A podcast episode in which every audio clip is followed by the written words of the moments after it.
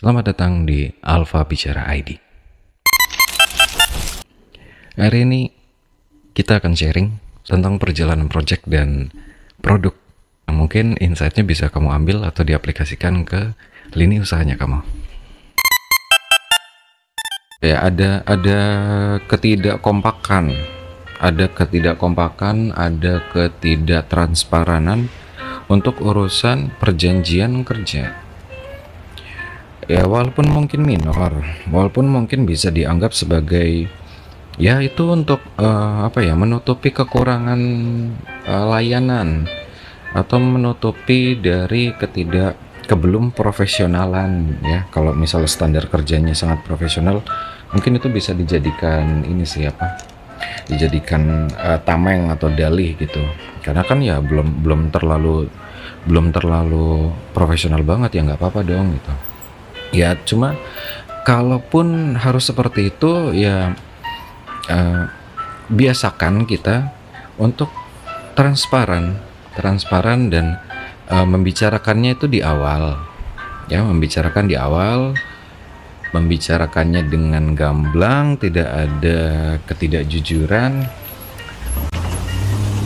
dan tidak ada apa ya intrik untuk saling menjatuhkan satu sama lain gitu kan ya karena apa? Karena kan memang kita berkomitmen untuk jalan bareng-bareng gitu kan.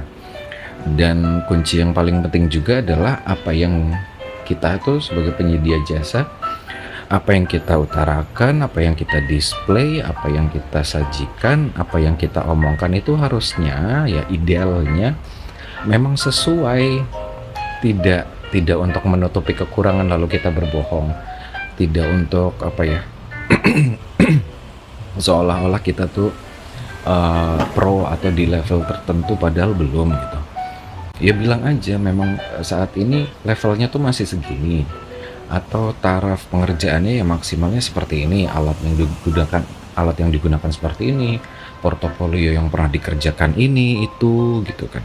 Jadi kan ya kalaupun akhirnya deal dengan satu project ya memang karena kliennya ya sudah menyadari kekurangan dan kelebihan dari beberapa pihak kan rasanya ini ya apa ya nggak akan nyaman tuh kalau kita berbohong tentang kualifikasi. Karena nanti kelihatan ketika ada ujian besar yang seharusnya tuh bisa dihandle seseorang yang mengerjakan tugas di level ter di level tertentu tapi ternyata e, misalnya kita nggak bisa handle tuh kita kita nggak bisa menguasai kondisi susah itu berarti kan itu menunjukkan ketidak capable-nya kita gitu, ketidakmampuannya kita untuk menghandle masalah. Padahal kan kalau dilihat dari apa yang dijanjikan, apa yang dibilang ke klien, harusnya bisa.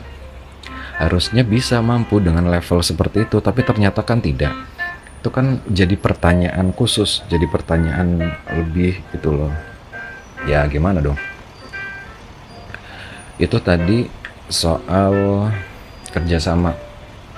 Lalu uh, apa ya ada kesulitan lain itu ketika ketika menghadapi ini menghadapi UMKM ini kenapa saya harus pegang gundam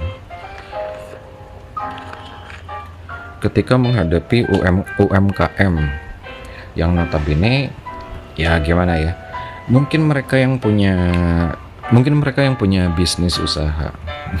Mungkin mereka yang punya bisnisnya. Mungkin mereka yang sedang menjalankan uh, struggle-nya bisnis ini. Cuma ketika uh, minta bantuan minta tolong uh, dianalisis atau uh, dikasih tahu kenapa kok hasilnya tidak positif gitu ya paling enggak yang mempertimbangkan. Paling enggak tuh apa ya?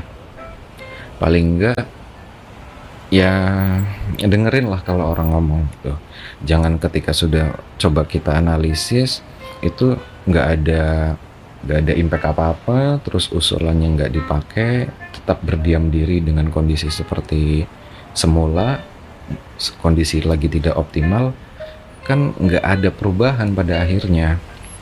Uh, sedangkan ya padahal di awal misal gini kita mau bantu UMKM dan kita nggak ada ini ya karena ada project uh, project gratis untuk UMKM dengan level tertentu UMKM-nya jadi kan kita nggak nggak melulu tuh di awal tuh pasang harga jasanya kita sekian.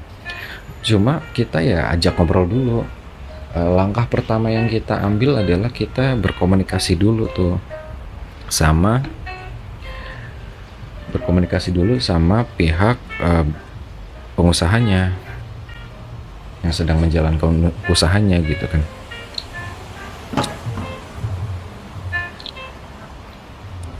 Ya kita akan tanya banyak hal. I, uh, internal juga sifatnya tapi dalam bisnis bukan soal ini ya bukan bukan konteksnya individu uh, masih dalam bisnis. Cuma kan kadang-kadang uh, itu kembali lagi. Ada ketidakjujuran. Ada ketidakjujuran ada sesuatu yang ditutupi misal uangnya tuh. Uangnya kecampur sama uang pribadi, uang bisnis, atau ada pengeluaran yang sumber pendanaannya itu hutang, tapi hutangnya bentuk keluarga dan gak ada perjanjian, akhirnya rumit sendiri, tapi gak diutarakan, atau apa ya, kayak semisal kita analisis tuh contoh dari uh, misal orang ini jualan produk makanan atau minuman. Uh, dia buka booth juga punya booth juga dan pengen usahanya laku. Pasti kita akan cari tahu tuh dari pendanaannya ya dari pendanaannya tata kelola uangnya terus langkah atau strategi apa yang udah diambil. Kemudian bisa juga kita ini kita koreksi misal dari desainnya apakah secara visual itu cukup menarik untuk dilihat? Atau secara nama cukup mudah untuk dilevelkan diucapkan atau cukup mudah untuk dicari di sosial media atau di Google di search engine itu kan kita juga akan kasih usulan. Uh, kadang-kadang pertimbangannya tuh cukup ini ya cukup karena kan apalagi UMKM ya itu kadang-kadang sifatnya sering kali sifatnya itu usaha keluarga.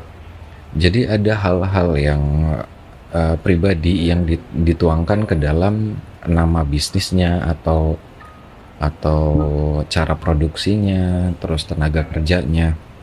Jadi jadi eh, sering kali bikin susahnya di situ. Misal nama kita mau rubah, tapi mis, tapi contohnya eh, nama produknya itu adalah singkatan dari nama anak-anaknya atau apa. Itu ada ada sisi personal dari ownernya. Jadinya eh, dia pikir ya itu filosofis dan untuk menghargai keluarga. Tapi kalau dirasa tidak cukup menjual untuk dipasarkan lebih luas kan, ya akan kami sampaikan juga lah.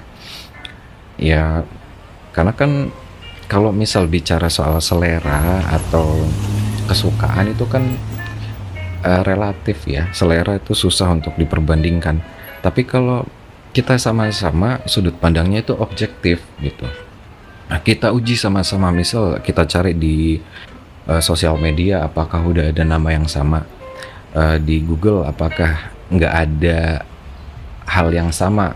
Entah itu dari jadi istilah atau nama yang lain gitu kan. Seberapa mudah untuk ditemukan orang lain dan seberapa mudah untuk diingat oleh orang lain gitu kan calon konsumennya.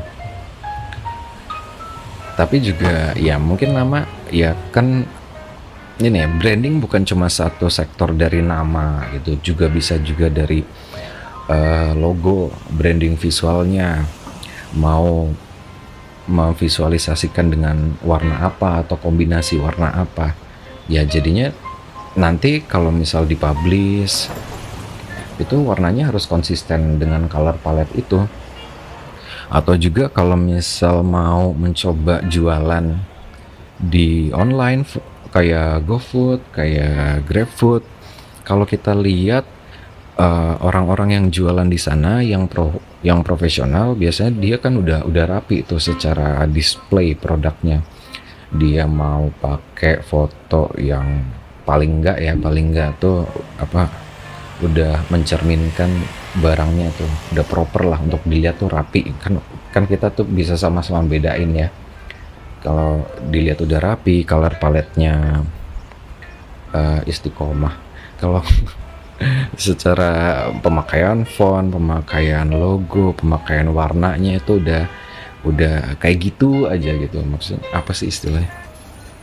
Itu kan berarti udah udah menuju ke arah yang profesional ya. Sudah bisa dinikmati secara visual. Karena kan ini ya uh, kita bisa lihat tuh apakah misal jualan makanan atau minuman.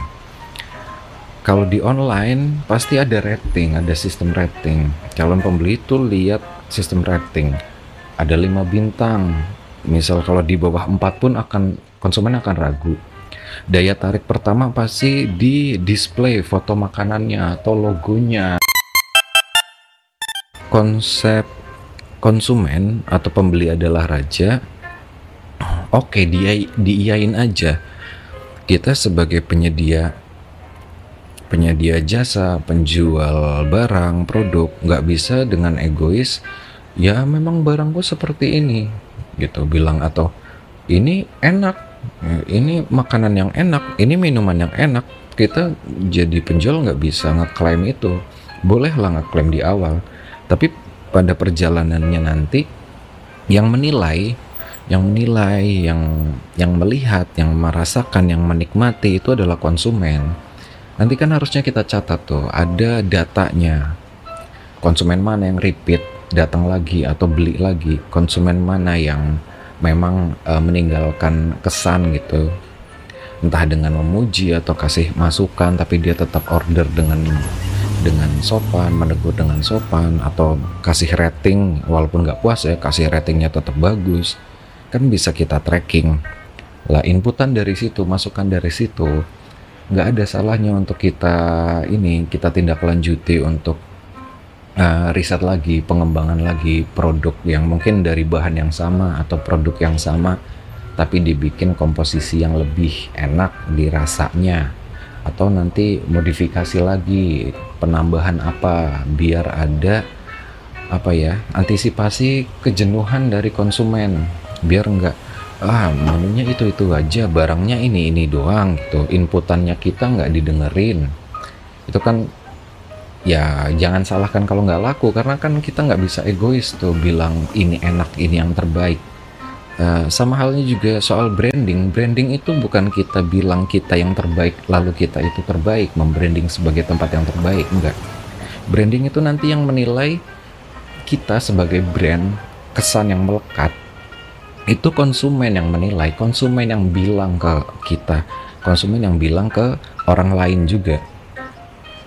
Jadi kita bolehlah merencanakan untuk nge ngebentuk brand sebagai tempat yang cozy, tempat yang santai, yang anak muda, yang bla bla bla bla bla. Nanti kita upayanya merencanakan kan itu tuh merencanakan. Upayanya adalah nanti di servisnya gimana caranya kita menggiring opini konsumen itu biar ngeklaim atau ber berpendapat bahwa kita itu seperti itu? Kita tuh memang anak muda banget kita itu memang tempat yang cozy gitu.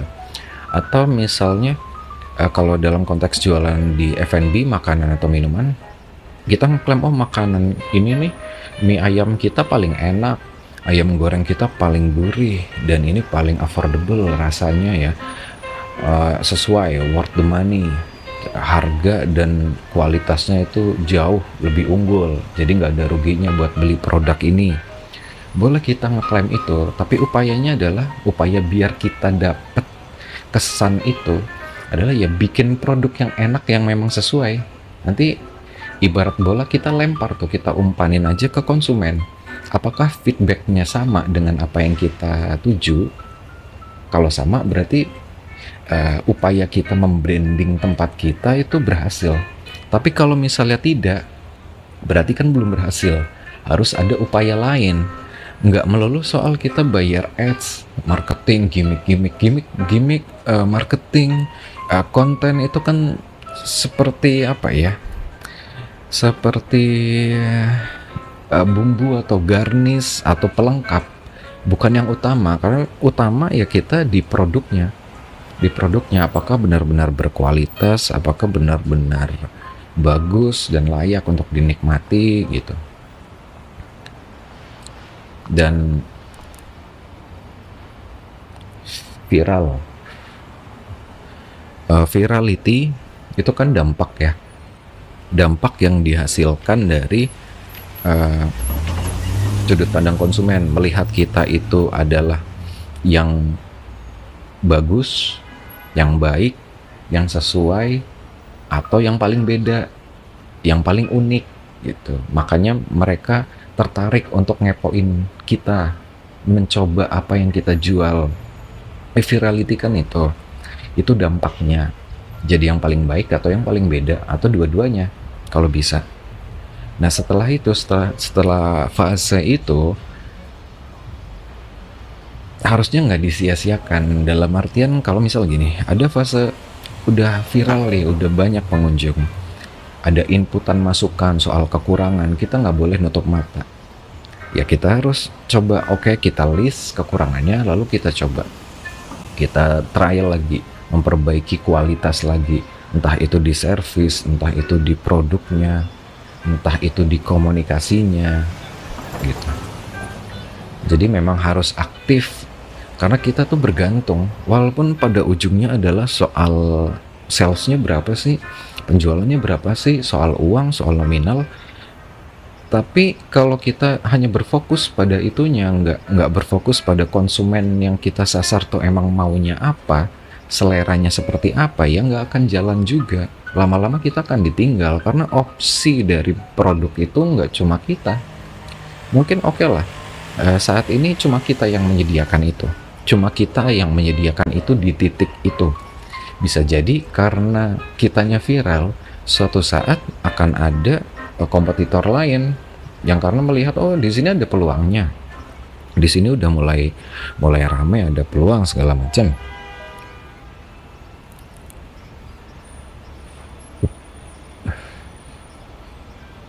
Upaya kita untuk tidak ditinggalkan ya dengan terus memperbaiki diri, memperbaiki kualitas. Jangan sampai terlena. Ya, tapi itu lagi masing-masing usaha, masing-masing bisnis kan ada tujuannya sendiri itu. Jadi kalau kalau dalam ini ya konteksnya adalah usaha yang yang iya-iya aja gitu, yang bukan yang enggak-enggak bukan yang money laundry lah, bukan yang asal punya usaha atau asal jalan gitu. Targetnya tetap kita harus mencapai uh, profit yang maksimal gitu. Jangan sampai rugi, bisa sustain ber bertahun-tahun, bisa jalan bertahun-tahun. Memang itu adalah targetnya. Jadi kita bicara yang yang eh, lurus-lurus uh, aja dulu eh, terlepas dari motif untuk yang tidak lurus, yang belok atau motif tujuannya adalah cuci uang segala macam ya ada, pasti ada dalam bisnis itu ada ya kan bisa dilihat kalau misalnya nggak ada pengembangan di sektor ini walaupun udah nggak laku atau nggak untung bertahun-tahun tapi masih tetap jalan masih tetap hidup gitu kan jadi pertanyaan sumber untuk menghidupinya dari mana?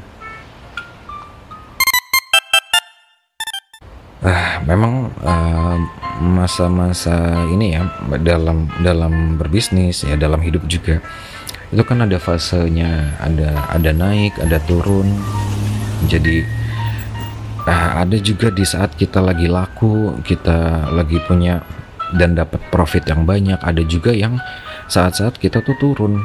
Jadi emang nggak nggak bisa apa ya nggak bisa memaksimalkan potensi gitu kan. Ya harus disadari itu ada naik turunnya ada ada kurvanya sewaktu-waktu melandai tapi juga ada potensi untuk naik lagi naik lagi itu bukan menunggu ya mungkin bisa aja menunggu momentum menunggu kesempatan menunggu keberuntungan. Eh, tapi idealnya harus ada upaya untuk sampai ke sana gitu. Nah upaya itu didapat dari uh, kita melihat tuh berkaca. Gak bisa kita menutup diri buat bilang kita udah benar nih apa yang kita lakukan sedangkan hasilnya negatif. Kalau hasilnya negatif ya mungkin antara trennya sudah turun atau kita uh, stuck di situ di zona nyaman itu merasa kita yang paling bagus yang paling unggul kita harus coba ini introspeksi diri melihat ke dalam diri dulu untuk me, apa ya untuk menyadari kesalahan, untuk melihat kekurangan, lalu setelah itu terbuka untuk melihat yang lain, melihat keluar. Uh, seperti apa kompetitor bekerja? Seperti apa kompetitor yang tetap sustain di bisnis yang sama. Lalu kita analisis lah cari cara yang lain langkah yang lain biar kita dapat keuntungan biar kita dapat apa ya konsumen lagi atensi konsumen lagi. Dan dan harus ada upaya itu. Bukan cuma di sisi gini ya. Bukan cuma di sisi kalau udah ada kontennya itu wajib gitu dan kalau udah kontennya viral itu pasti terkonversi jadi pemasukan jadi profit. Itu ya belum tentu. Ada banyak hal viral yang tidak bisa dikonversi atau gagal dikonversi jadi uang jadi profit.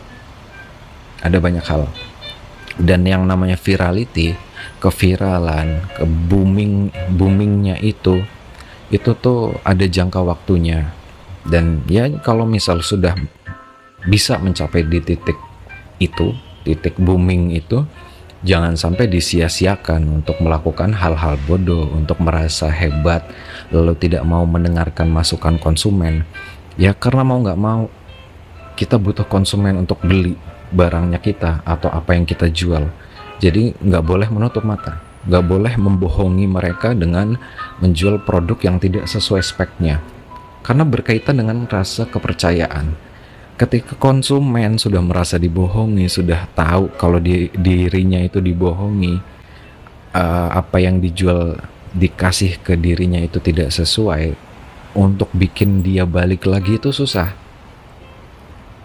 Karena masih banyak opsi yang lain yang mungkin dia nggak kenal, belum kenal, atau sudah sudah kenal dekat, sudah kenal baik gitu.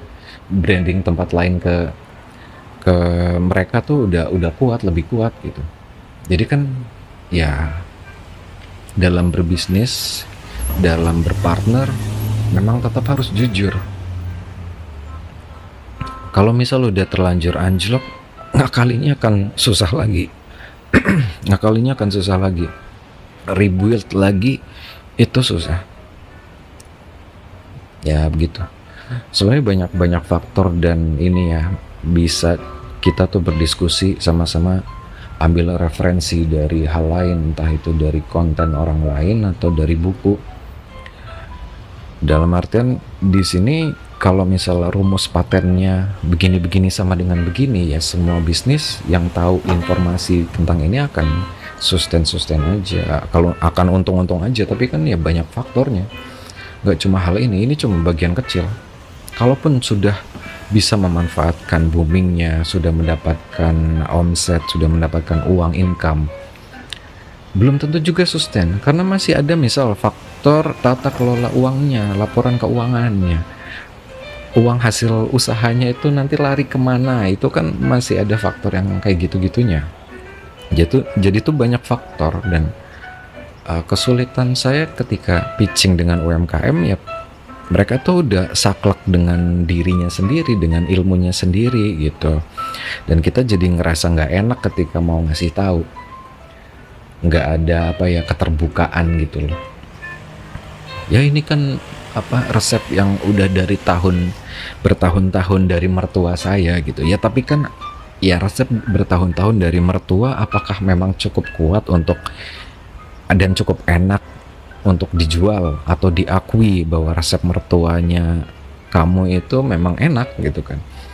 Kita kan tidak menjual barang ini ke diri kita sendiri tapi ke orang lain lah. Biarkanlah orang lain yang menilai. Ya kita harusnya ya mau menerima itu aja hasilnya. Ya jangan munafik untuk nggak bilang nggak butuh duit ya. Ya karena kan usaha usaha yang dicari itu ya udah. Jangan tertutup Dan yang gak kalah penting itu adalah soal perjanjian kerja. Perjanjian kerja itu sangat penting, sangat sangat vital nanti berlaku ketika kita mengerjakan suatu proyek. Karena di situ ada urusan hak dan tanggung jawabnya, hak dan kewajibannya. Jadi jangan sampai kamu miss di soal perjanjian itu. Karena uh, ada kemungkinan untuk salah satu pihak melakukan one prestasi atau tidak menunaikan tanggung jawabnya. Ketika kita tidak punya pegangan dari surat perjanjian itu, ya kita tidak bisa menuntut atau justru juga akan susah kalau kita bawa ke ranah hukum karena kita tidak punya dasarnya. Jadi itu harus diperhatikan juga.